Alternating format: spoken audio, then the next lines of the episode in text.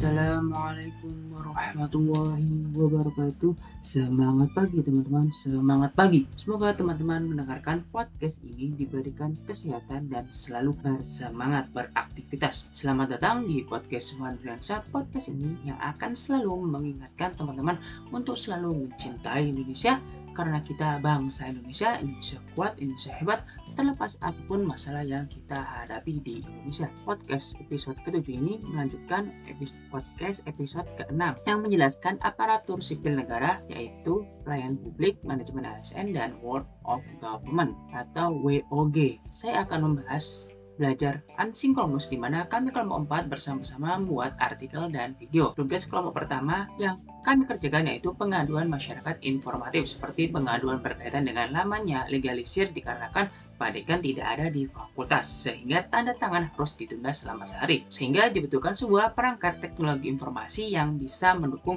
tanda tangan dapat dilakukan di mana pun berada pimpinan fakultas berada. Kemudian selain itu ada permasalahan yang lain apalagi di saat pandemi COVID-19 banyak masyarakat yang kekurangan uang dikarenakan dampak dari PPKM dan tidak sedikit keluarga yang mengalami pemutusan kerja. Kondisi tersebut mengibatkan mahasiswa memohon untuk keringan UKT sehingga Winsa harus mempersiapkan sistem yang bisa menampung eh, data-data mahasiswa yang mengalami uh, dampak COVID-19.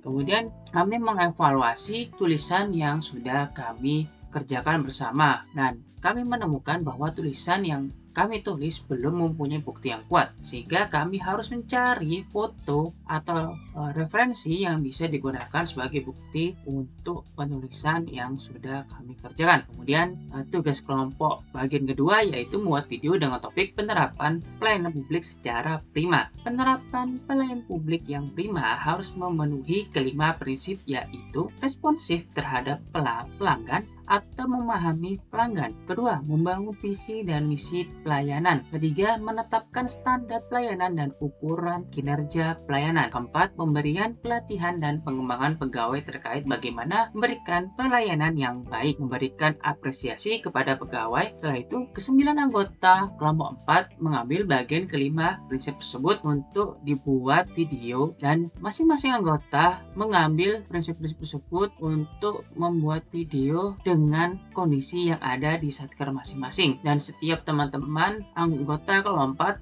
maksimal oh, durasi videonya yaitu tidak kurang dari satu menit. Setelah digabungkan ada sekitar video berukuran 5 menit. Dalam video tersebut kami mempraktekkan beberapa kegiatan yang bisa mencerminkan 5 prinsip pelayan publik secara prima. Kesimpulan penerapan pelayan publik yang prima harus menerapkan kelima prinsip tersebut ke dalam setiap kasus seperti permasalahan keterlambatan proses legalisir, penyeleksian mahasiswa untuk keringan UKT dan isu aktual saat ini yaitu persiapan perkuliahan campuran dengan menerapkan daring dan luring secara bersama. Terima kasih sudah meluangkan waktu untuk mendengar podcast ini. Semoga teman-teman selalu sehat dan semangat. Sampai ketemu di podcast selanjutnya. Waalaikumsalam warahmatullahi wabarakatuh.